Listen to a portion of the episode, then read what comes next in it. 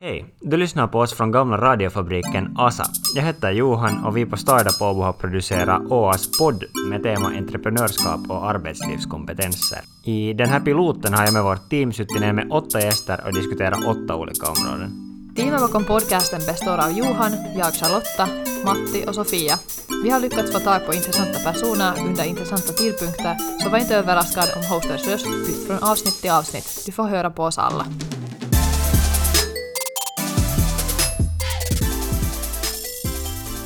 Hej och välkomna till Asacast. Den här veckan har vi Startup Åbos egna avsnitt och det presenteras av vårt Startup Åbo-team på tre personer. Det är jag, Johan Ekblom, Anna-Greta Nyström och Charlotta Wendelin. Uh, vill du Charlotta öppna lite mer vad du gör här?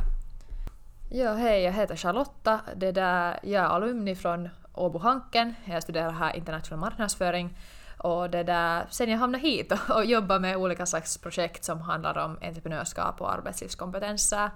Um, vi utvecklar bland annat olika digitala verktyg som ska stödja studerande med att uh, inkludera sina entreprenörskapskompetenser till sina studier och, och sen vi försöker hjälpa studerande att sätta ord på sitt kunnande och, och liknande. Och sen är jag också med i Startup Åbo-teamet som sagt och vi ordnar olika evenemang för studerande och till lärare. Sen vi också ordnar kurser, bland annat den här Slush-kursen. Vi kommer säkert att berätta lite mer om det. Så väldigt brett och nu är vi ansvariga för det här OAs egna podcast, Asacast. Hur är det med dig Anna-Greta? Varför är du här? Tack för att jag fick komma. Anna-Greta Nyström heter jag. Jag jobbar som akademilektor i internationell marknadsföring vid Handelshögskolan vid Åbo Akademi. Den här långa versionen. Um, jag delar upp min arbetstid ganska långt mellan olika projekt och undervisning och forskning. Så att, att jag har liksom lite olika hattar på beroende på var jag behövs. Men att i, inom undervisningen så har det varit mest marknadskommunikation och, och konsumentbeteende och sen, sen har vi en del utvecklingsprojekt som kommer att komma fram säkert nu under den här, den här stunden när vi pratar här och sen har jag också forskning som, som handlar om helt andra saker men det går vi inte in på den här gången. Nej, men Johan, kan du berätta också att, vad, vad jobbar du med? Uh, jag jobbar för Startup Åbo som projektassistent och jag hjälper till med mest med media och hur saker ser ut och hur det här låter för tillfället. Och annars så studerar jag själv ännu på ministernivå med internationell företagsverksamhet. Så jag ska försöka bli självfärdig härifrån också. Sen Startup Åbo då, vad finns det till för och varför har vi en sån grej under det här universitetet? Ja, startup-Åby har egentligen kommit till som ett resultat eller som en åtgärd i samband med att vi fick en del äh, finansiering från utbildnings och kulturministeriet redan från 2017. Så då körde vi igång uh, sånt här, uh, alltså det är ett nationellt projekt som, som hette då Yrittäjyys ja yrittäjämäinen toiminta och hade som avsikt att, att att befrämja entreprenörskap i, i universiteten och då var det nio partners med nio olika högskolor i Finland. Och som ett resultat av det här projektet som inleddes då 2017 så, så startade vi Startup Åbo, det vill säga det är egentligen ett team som har som uppgift att, att främja entreprenörskap vid hela Åbo Akademi. Och då gäller det både studerande och personal, det vill säga forskare och och det här lärare också, så vi har jobbat ganska mycket med, med pedagogisk utveckling, att hur man kan till exempel integrera entreprenörskap i, i utbildningen, i undervisningen och sen direkt med studerande ordna olika evenemang och så vidare.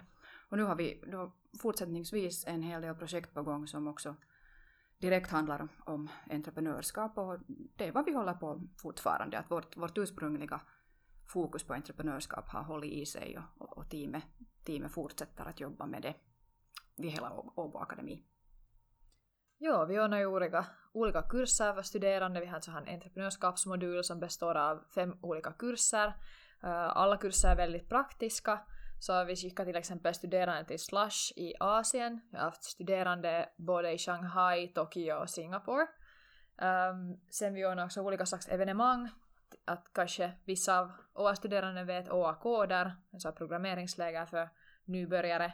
Och tanken är att man ska lära sig att hur teknologin styr vår vardag, uh, hur ska man kommunicera det med, med, med människor som har IT-bakgrund uh, eh, och hur kan man koda små, små lösningar. Uh, det har varit väldigt populärt. sen vi har också haft sådana afterwork-tillfällen med olika talare från olika bakgrunder. Så de här talarna har berättat till exempel om stress och, och tidshantering, planering av personlig ekonomi, äh, personbranding. Vad fanns det för andra teman som vi hade? Digital safety hade vi. Så ganska sådana allmänna teman som varje studerande behöver, speciellt när man ska till arbetslivet och fundera på vad man är bra på och det där, vad kan man söka för arbete. Vi har fokuserat ganska mycket på att, att, att föra fram färdigheter och, och så vidare. Att, att studerande redan under studietiden kan tänka på att vad är det de är bra på och vad kanske de ännu borde bättra, mm. göra bättre eller liksom utveckla vidare. Att vilken typ av studier skulle sen passa åt dem ifall de vill bli bättre på att, att leda team eller leda, leda andra så kanske någon projektkurs eller något liknande skulle passa bra i deras studier. Jo, Johan, du har ju själv varit på Slush. Vad tyckte du om det här upplevelsen? No, det var faktiskt en av de mest givande, givande projektkurserna och kurserna överlag man har gjort i skolan i princip. Att man fick på riktigt sätta det vad man har lärt sig från tidigare och sen lära sig helt nya saker som man inte skulle på något sätt kunna göra bara med att sitta på föreläsning och jobba till exempel i grupp där. Så det var en otroligt givande möjlighet så det är nog, det är nog någonting som få, liksom, studerande i universitet får ens göra. Så det där, det var faktiskt jätter, jätteroligt och intressant. Ja, du har var din ansvarig för en grupp fotograferare. Ja, och det var också någonting helt nytt. Jag har fotat mycket tidigare själv men sen att sitta, sitta som ansvarig för 13 andra fotografer så är man i en helt ny position. Det blir just mer en ledarskapsroll men sen måste man ändå hålla koll på den där fotografin, vad de producerar. Det var utmanande men, men roligt och givande där fanns säkert en viss sån här kulturell aspekt i det hela eftersom du var alltså fysiskt i Tokyo jo. i ett antal veckor och jobbade med dem. Så. Jo, och sen man fick också lära sig liksom att hur det var också en stor tröskel i början, man fick lära sig att hur de ens fungerar i Japan, för de har vissa kutymer och grejer, att de fungerar inte på samma sätt som vi och man respekterar varandra på ett annat sätt. Att det är just jättesvårt med där var det jättesvårt med feedback till exempel och att diskutera liksom jätteöppet om alla detaljer så man fick lära sig den här processen och komma in i det. Men sånt skulle man inte till exempel ha möjlighet att göra här. Och det här är en av de sakerna som vi också har, har, har utvecklat här i många år före Startup Åbo-verksamheten, det vill säga projektkurser, att lära sig också genom att, att, att helt praktiskt göra saker. Att vi ser inte att äh, teori till exempel utesluter praktik. Så att, att när man gör någonting helt konkret, jobbar med ett projekt eller jobbar med något evenemang, så, så ser vi att den här äh, akademiska biten, alltså teorier, böcker, artiklar och så vidare, stöder det. Och det går att integrera i det som man gör, det som man håller på med att utveckla just då. Så att projektkurser är ofta uppbyggda på det sättet att man, man läser det som behövs för att man ska få saker vidare så att säga. Och det har också varit grunden i den här slash projektkursen som, som vi har nu haft ett, ett samarbete i många år med Tokyo, Shanghai och Singapore. Ja, jag började tänka på att vi håller ju på att utveckla tillsammans med Novia, så här Nova Business Center, där man kan jobba med projekt uh, och göra olika slags uppdrag till företagen.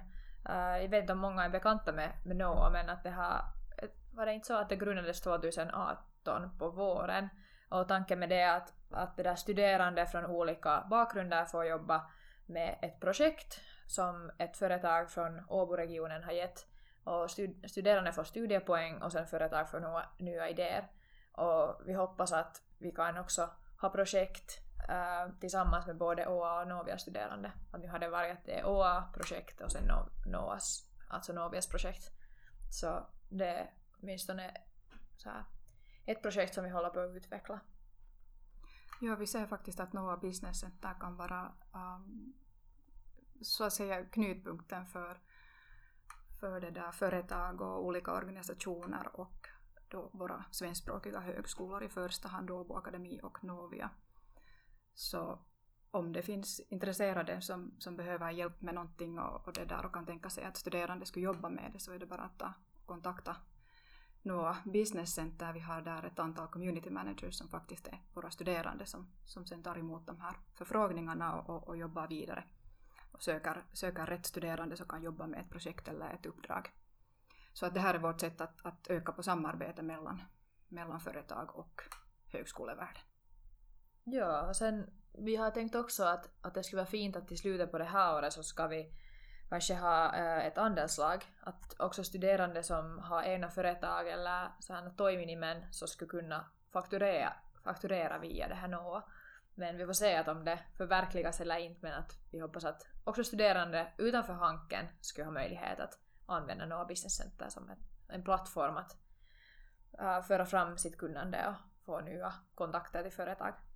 Och i den här kontexten så, så, så fokuserar vi också just på de här färdigheterna, att man får erfarenhet från olika typer av projekt, olika typer av roller i de här teamen som jobbar med, med de här uppdragen, uh, som sen ger igen mera liksom vägkost till, till framtiden och, och, och, gör våra Åbo Akademi-studerande och, och det här, äh, de som blir färdiga från Åbo Akademi uh, äh, mer alltså relevanta på arbetsmarknaden och har liksom en, en, en arbetslivs det här relevans som är intressant också för, för de som anställer våra studerande. Har de här NOA-projekten varit nu hittills mer som konsultering att söka liksom svar på existerande problem eller mera att hitta på nya grejer? Vi gör lite olika typer. Det kan, det kan handla om uh, att hjälpa företag med, med nya idéer. Um, våra studerande är ju ganska unga och många företag kanske också sitter och funderar att hur de når ut till ungdomar eller kommande konsumenter, kommande kunder så att säga. Och våra ungdomar har ändå koll på, på liksom ganska mycket vad gäller sociala medier, digitala kontexter och, och vad som är just nu på gång sådär överlag liksom bland den, den där här äh, generationen så mycket har handlat om att, att skapa idéer till exempel tillsammans och för företaget um, ordna evenemang. Det kan också handla om det. Uh, göra marknadsföringsmaterial, allt från, från um, brandbooks till, till liksom kampanjer för till exempel social media eller, eller andra kanaler. Um, så det, det handlar lite om konsultering på ett sätt men vi måste komma ihåg att de här studerandena är fortfarande i studielivet, det vill säga de håller på att lära sig. Så att, att, att det måste också finnas en, en möjlighet för de som, som deltar i en, en projektgrupp att, att gå igenom olika, olika saker som hör till det här lärandet. Uh, teamet kanske inte alltid fungerar så väl, så de har sådana aspekter att ta i beaktande. Det handlar inte bara om att lära sig att göra det där innehållet och göra ett projekt eller ett uppdrag väl, utan där finns också mycket lärdomar för de här studerandena som deltar i att hur, jobbar man i team? Hur kommunicerar man i team? Hur tar man emot feedback? Hur ger man feedback så att teamet kan jobba effektivt? Så vi tittar ganska mycket också på de här färdigheterna i att, att, att liksom sätta upp en målsättning, en gemensam målsättning och att nå den. Hur når du den och vilka alla åtgärder liksom ska tas där? Inte bara innehållsmässigt utan också på det här att, att få liksom allas input, um, kunna använda de resurser som finns i teamet på ett ändamålsenligt sätt. Så att vi tittar mycket på det här att vad liksom, vilka, vilka pedagogiska aspekter det finns i det här, att vad kan man lära sig, inte bara innehållsmässigt, men också liksom färdighetsmässigt. Ja, det har blivit vanligare nu att arbeta med företag och organisationer liksom en del av studien. Finns det några andra möjligheter för att göra det nu?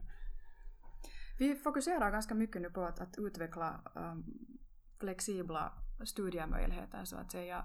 Uh, praktik har funnits länge vid Åbo Akademi, att man kan jobba i ett företag och, och det räknas till godo. Man får alltså studiepoäng och det, det liksom går under rubriken praktik. Det kan vara tre månader eller, eller sex månader som man är någonstans utanför universitetets väggar så att säga och jobbar med något sånt som stöder ens huvudämne eller examen.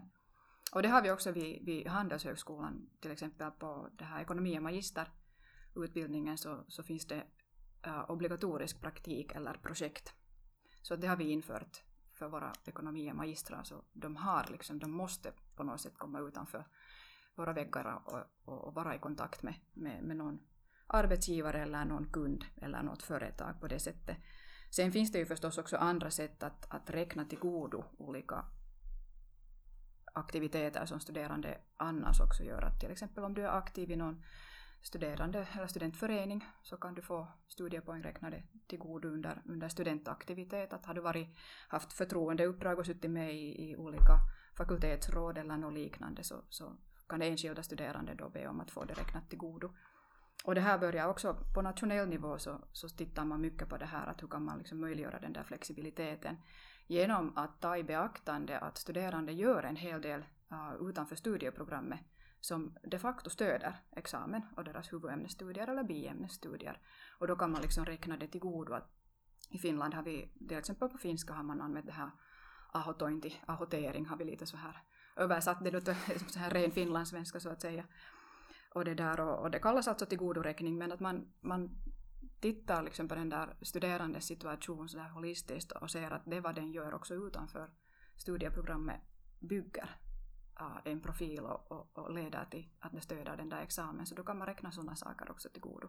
Och nu har vi några projekt som, som, som tittar uttryckligen på att hur man kan identifiera och uh, erkänna och då således alltså räkna till godo entreprenörskapskunskap till exempel. Så vi håller på inom ett, ett projekt som heter HOTIT OPIT. Det är ett spetsprojekt finansierat av, av uh, undervisnings och, och kulturministeriet. Och där tar vi fram ett digitalt verktyg för studerande och lärare så att de kan alltså hitta det här, den här kunskapen och räkna den till godo i studierna och då får studerande sen i slutet, slutet alltså studiepoäng uh, som räknas till godo.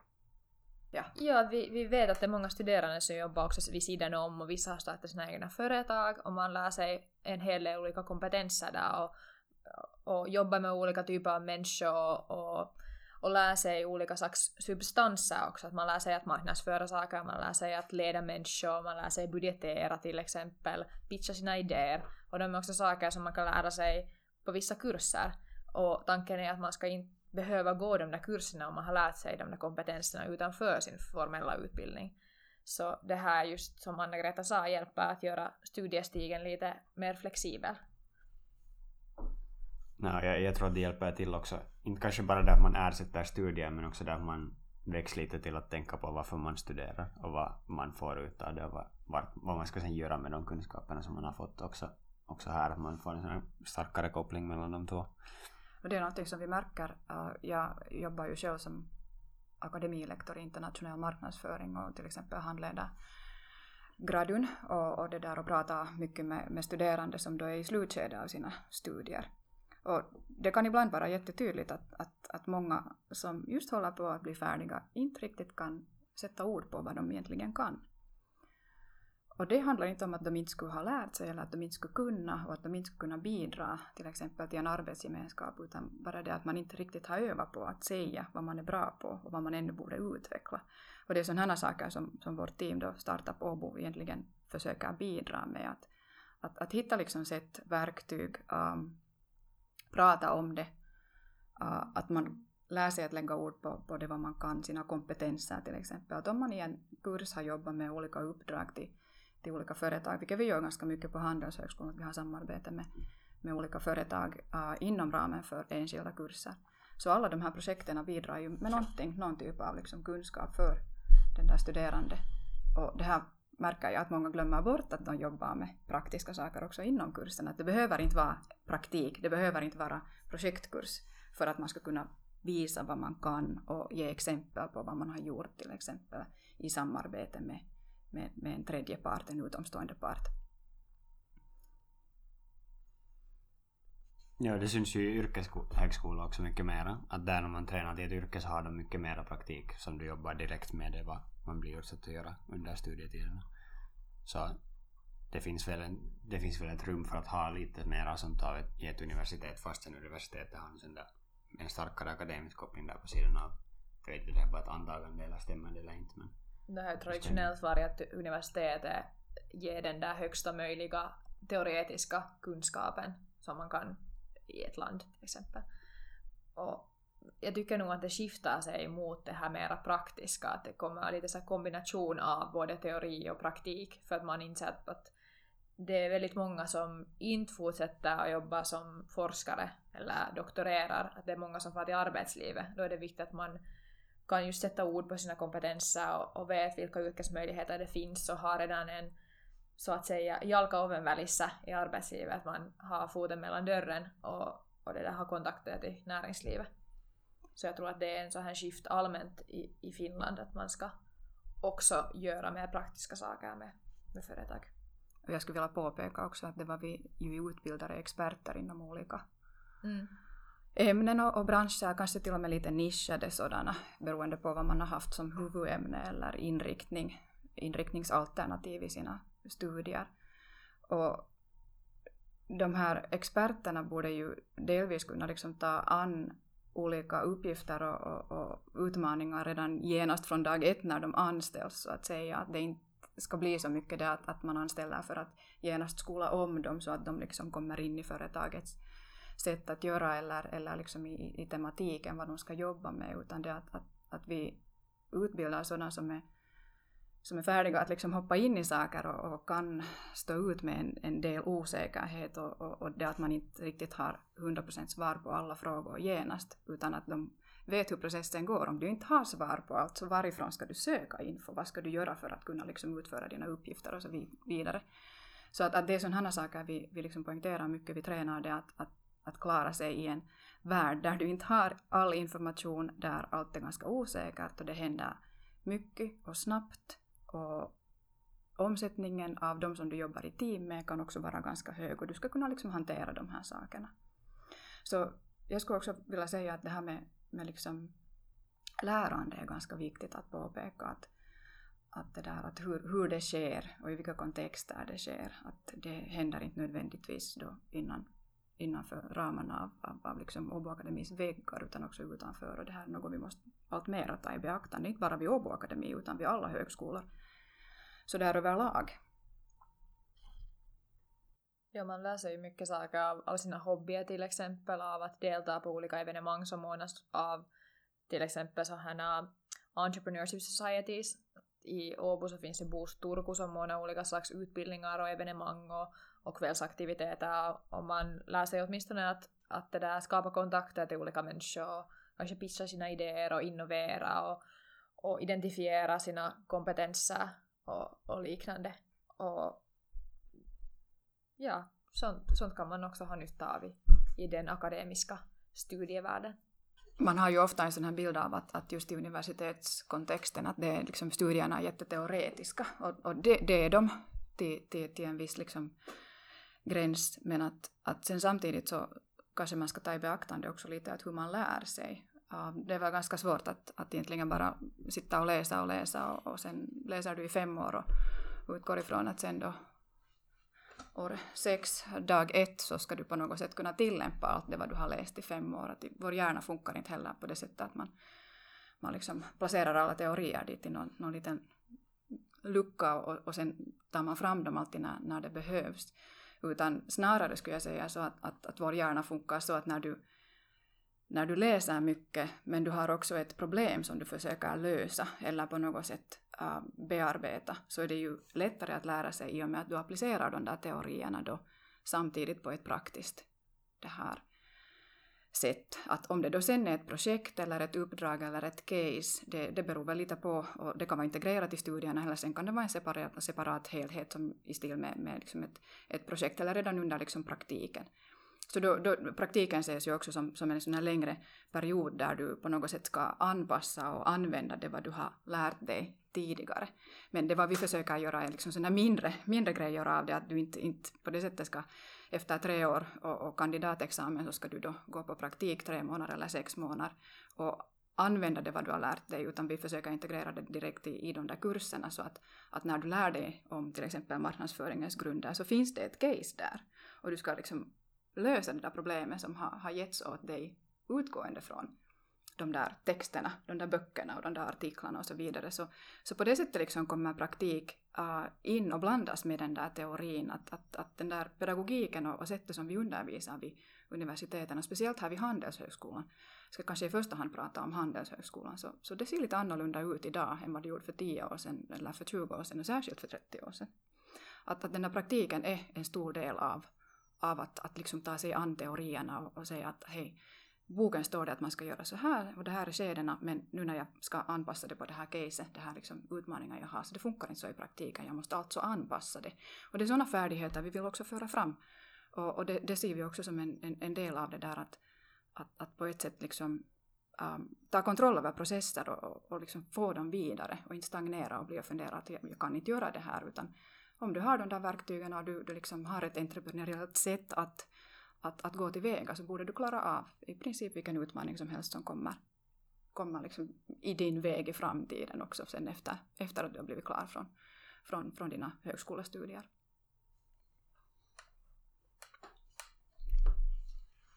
Ja, det, känns, det känns som att allting går framåt jättesnabbt. Att, okay, teorierna håller säkert till sin grund fast ganska långt. Fast teknologi utvecklas, man hittar på nya sätt att använda all, alla verktyg som man nu har för tillfället. Men det, där, men det känns som att allting går framåt helt jättesnabbt för tillfället. Att man måste nästan vara ute och testa lite på för att se hur saker fungerar. Till exempel våra mikrofoner som står här på 5 kilo international marketing böcker så det här är bra böcker säkert. Ja, böckerna var inte alls onödiga. Gör bra nytta till dem, av de här böckerna. Mm. Hur är det med, eller för mig är det i alla fall lite oklart att hur man talar ofta om företagsamhet och entreprenörskap nästan som synonymer eller på varandra men det finns en viss en distinkt skillnad på dem. Vill ni öppna på? Jo, no, åtminstone entreprenörskap förknippas ofta med Handelshögskolan. Att det, många tänker att det är det att man, man startar företaget och man, man driver det och man innoverar och, och man, ska, man ska hitta finansiering och så vidare. Och entreprenörskap är ju egentligen det, om jag har förstått rätt, att det, det är det att man startar ett eget företag och, och driver det och, och, och skapar värde för andra. Men sen företagsamhet eh, eller det här entrepreneurial mindset är just att man tänker, tänker som ett, en företagare fast man inte har ett eget företag.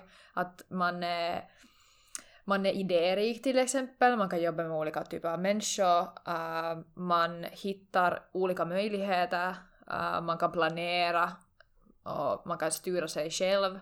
Um, man, man till exempel klarar av att planera sin ekonomi, sådana saker. Om man är så att man, man är aktiv och man är intresserad av saker och man vill ta itu med, med olika utmaningar.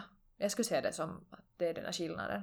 Att man kan applicera det här företagsamhetstänkandet i alla möjliga slags grenar och, och utbildningar och liknande. Vad tycker Anna-Greta? Är jag Ja, på rätt spår? Det här, det här är kanske det, det är en lätt och en svår fråga samtidigt. Vi har sett det här entreprenörskapsbegreppet ganska brett här i Startup Åbo-teamet och vid, vid Handelshögskolan också överlag. Man kan, man kan säga att de här starka associationerna är just i det här att entreprenörskap betyder att starta eget och hemskt många ser också det här att starta eget som en sån här en, enmans eller enkvinnas Äh, projekt på något sätt, att man gör det ensam och, och sen, sen börjar det bara rulla på och sen anställer man och så vidare. Men vi har faktiskt valt att se entreprenörskap ur ett ganska brett perspektiv, att vi utesluter inte det att, att man kan vara entreprenöriell fast man inte startar ett företag.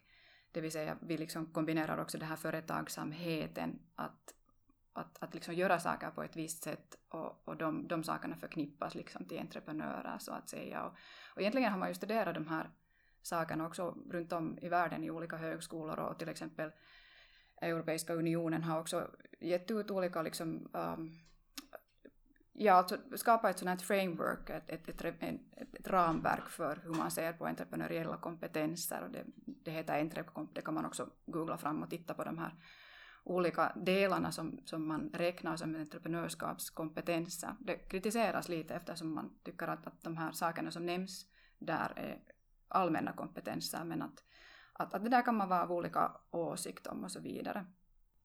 Mm. Jag tycker också att det är ganska spännande med att man ofta tänker entreprenörskap som en plan B. Att om man frågar folk att vad, vad vill man göra efter, efter sin studie efter sitt studieliv så är det så att jag, att man vill, jag vill jobba för någon annan men man oftast ändå vill äh, skapa mening för en själv och för andra och, och lösa olika större problem i världen. Speciellt millennialer är sådana som vill, vill bidra med, med sina kompetenser och, och, och sådär. Så det är helt spännande att det är ganska få som tänker på att man ska kunna starta eget och skapa en eller samla en grupp människor som jobbar vidare med det här projektet.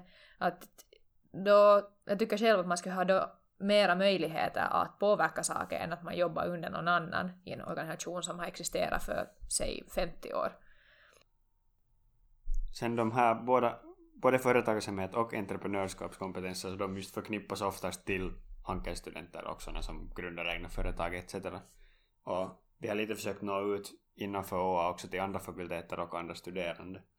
Uh, men hur tycker ni att de här kompetenserna skulle gynna andra människor som inte till exempel bara från Hanken eller?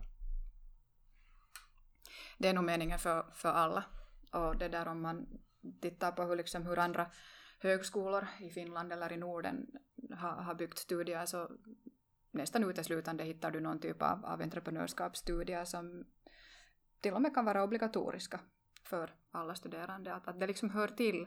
Och, och vi har en, en, press på oss också i, i egenskap av högskola från, från liksom nationell nivå att vi ska stödja det här med entreprenörskap, att vi borde på något sätt ta ställning till att, att, att äh, ge vägkost åt våra studerande så att de kan skapa sina egna företag, äh, uh, ändra under studietiden eller, eller senare, men att det ska vara ett alternativ för dem att bygga sin egen framtid också på det sättet. Och ja, överraskning, överraskning bidrar då till, till, till liksom den finska ekonomin på det sättet. Det är helt intressant också att, att just som, som ni sa, att entreprenörskap förknippas med Handelshögskolan oftast, men statistiken säger att de som har studerat på Handelshögskolan grundar inte egentligen flera företag än de som studerar till exempel på humanistiska fakulteten. Att det är egentligen de som, som vill bli konstnärer eller bli översättare eller bli några kulturproducenter eller liknande. Så det är de som startar sina egna företag ofta. Så de har det där just toiminimi, enskild närings, näringsidkare att det är helt spännande just att det, man ändå erbjuder entreprenörskapskurser till sådana som studerar handel och ekonomi, men inte till sådana som i verkligheten grundar företag och som skulle ha den största nyttan av att lära sig hur man budgeterar, hur man marknadsför för sig själv och sina produkter och, och det där. Ja. Och där, där, där, där ser man också det att, att i princip så det, är ju, det svåraste är ju inte att registrera det där företaget, det vill säga att grunda det.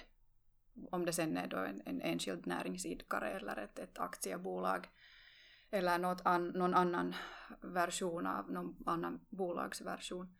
Det finns jättetydliga instruktioner på nätet.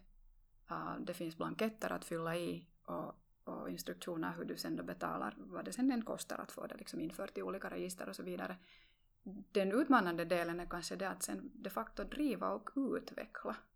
Att, att det beror helt på vad dina målsättningar är. Att om du då vill ha ett sånt här äh, skrivbordslådeföretag som du tar fram alltid då när du behövs så, så det är också helt fint och det är också företagsamhet och företagande.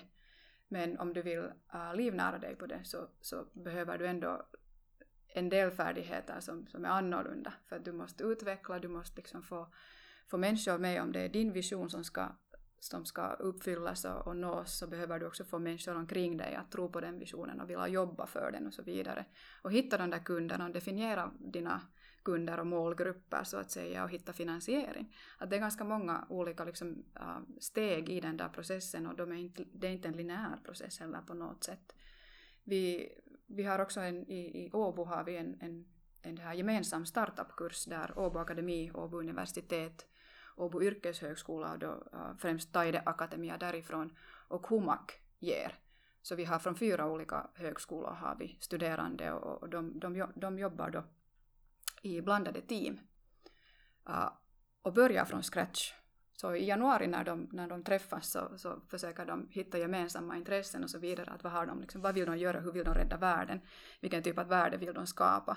Och där ser man också de här millennialernas liksom, uh, egenskaper på det sättet att, att de här senaste åren så har de här idéerna som har kommit där så har mycket starkt handlat om att, att bidra till, till, till en hållbar uh, värld, um, gröna värderingar, uh, att, att hitta lösningar till, till problem som har med, med, med naturen äh, och, och, och, till exempel havet eller att, att uh, återvinna saker på ett nytt sätt och så vidare. Att, att där ser man att det finns en vilja i att liksom, på något sätt göra gott i världen. No. En av de där associationerna som finns också är det att, att, att företagare, att man gör det ensam så att säga. Och det som, som vi ser är att, att det finns mycket mer av det här med team. Det vill säga att vi har en grupp av människor som har de delar ett, ett intresse eller en målsättning och det är de som börjar driva det framåt. Det vill säga det här teamentreprenörskap kommer allt mer. Och det har funnits hela tiden men nu poängterar vi det allt mera. Uh, och, och, där liksom finns det massor med olika möjligheter just inom, inom det här, eller under studietiden så att säga. Att vi, har, vi har till exempel en Entrepreneurship Society för studerande. Vi har Boost här i, i Åbo som är jätteviktig för oss och vi samarbetar med dem och de stöder också då studerande som har ett intresse av att, att uh, jobba med ett eget företag och, och, hjälper dem att hitta andra som de kan jobba med. Och det finns också andra, andra det här evenemang och, och, och processer i, i Åbo stad som stöder det här att, att liksom hitta teammedlemmar som man kan driva den där idén vidare med.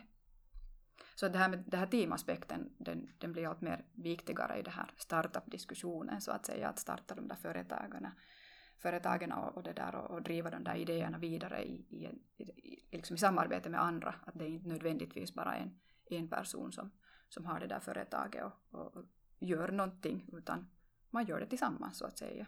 Och då använder man resurser på ett helt annat sätt och kunskap, att man liksom måste hitta de här styrkorna i olika individer och det liksom bildar en helhet som sen är stark. Betyder team samma sak som en grupp? Nej, no, vi, det där teamet är egentligen uh, kanske en sån här ja, hypad grupp, att, så att säga. En, en grupp människor har nödvändigtvis, de kanske gör någonting, det är lite ad hoc, de kanske har en kortsiktig uppgift Äh, det kan handla om minuter, timmar, veckor, månader. Men sen upplöses den där gruppen liksom, när man har gjort den där uppgiften.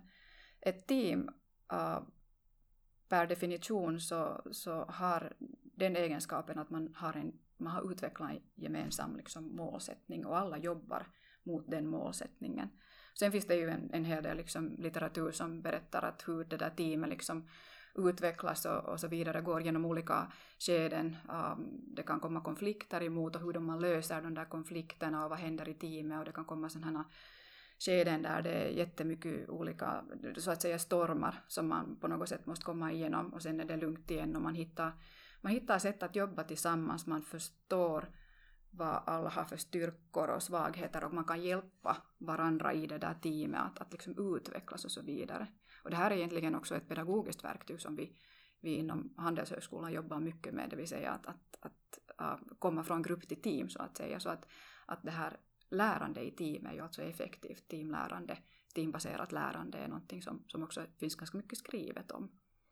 Så att teamen börjar vara jätteviktiga och vi ser på dem också från olika perspektiv, inte bara inom de här startup-scenerna uh, och i den kontexten utan också inom ramen för kurser och pedagogik allmänt. Och där, nu, nu nämnde du startup, men och vårt namn är också Startup Åbo.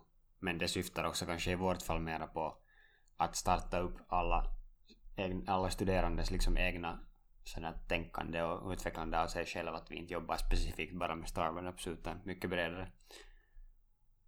Vi börjar avrunda. Det här har också fungerat som en call Perfection till alla alumner som lyssnar. Om ni har egna företag, om ni jobbar för stora företag eller stora organisationer. Vi har massa studerande på universitetet som är ivriga och intresserade och vi kommer på både kreativa lösningar och kreativa idéer att utnyttja den här kunskapen som finns här och möjligheter. Så ta kontakt till oss eller till NOA direkt. Jo, gästföreläsare skulle vara också helt intressant att ha. Att det är studerande som är intresserade att veta att vad OA alumner har gjort efter att de har blivit färdiga. Det är alltid spännande att få höra att oj, jag studerade uh, historia men nu jobbar jag med, med konsumentbeteende till exempel. Eller jag har studerat biologi och jobbar nu med produktutveckling eller något liknande. Sen är vi förstås uh, intresserade av, av alla alumner också på ett bredare plan, att vi har ju olika möjligheter för samarbete också till exempel inom mentorskapsprogram. Att om man på det sättet skulle vilja ge tillbaka till en yngre kollega så att säga, eller blivande möjlig kollega, så ta kontakt också vad gäller uh, mentorskapsprogram och, och, och, det där. Och, och sen är vi intresserade av, av samarbete också kring forskning och, och, och den biten. Ja, och om du är en studerande ännu och lyssnar på det här, vi har på vår nätsida startupavo.fi så har vi både infografer och information om att hur ni kan få både studiepoäng för era existerande studier, hur ni kan planera projekt och arbetsuppgifter i framtiden så att ni kan jobba in dem i era studier. Så gå in på vår nätsida och kolla information om sånt. Um, podcasten hittar ni också på vår nätsida på alla stora podcastplattformar och sen tycker jag vi går till vår sista fråga som vi ställer i slutet av podcasten till alla våra gäster, så vi ställer den nu till oss själva också. Anna-Greta, vad vill du göra när du blir stor? Oj, oj, oj. Nu blev det ganska svårt. Vad ska jag bli när jag blir stor? Ja, vet du, någon gång för länge, länge sedan så hade jag nog alla möjliga olika tankar om att, att, att jag skulle kunna, jag har nämligen, jag har faktiskt studerat uh, marknadsföring och parallellt med det så har jag studerat litteraturvetenskap. Så under min studietid så, så liksom byggde jag en, en, en bild av att, att, att jag skulle kunna till exempel jobba på ett förlag. Jag kan ju bli VD på ett förlag till exempel, att kombinera de här ekonomistudierna med litteraturvetenskap. Nå, det gick ju inte så. Utan nu jobbar jag här vid ett universitet och min målsättning är kanske att bli lite smartare ännu. Det är ganska bra faktiskt att bli lite smartare. Att just det där livslångt lärande som man pratar mycket om, att man vill alltid lära sig nya saker. Jag har alltid varit intresserad av många olika saker. Att skola har jag gillat, alla möjliga ämnen där. Så jag har alltid varit svårt att välja att vad jag ska ta mig nästa till vilken utbildning och till, till vilken högskola och till vilket yrke. Och när jag var liten så ville jag bli konstnär. No, nu jobbar jag med entreprenörskap och arbetslivskompetenser så det är inte riktigt det som, det som min barndoms dröm eller önskemål kanske blev men att marknadsföring har alltid intresserat mig och utbildning och företagsamhet så vad jag har lite funderat här under det gångna året är att kanske jobba med utbildningsexport. Det skulle vara intressant att lära sig om olika kulturer, uh, jobba, med, jobba med olika typer av människor, resa utomlands, uh, framföra det här budskapet av finländska utbildningen och något sådant. Och sen just lite förknippa det med, med entreprenörskap och, och arbetslivskompetenser. Så något sådant. Får lite se vart, vart min stig far. Johan, vad ska du bli när du blir stor? Jag vill bli äventyrare. Oj, oj, oj. Ett ärligt svar. Nåja. Det är en podcast. ja, möjligtvis det också. Tack för oss.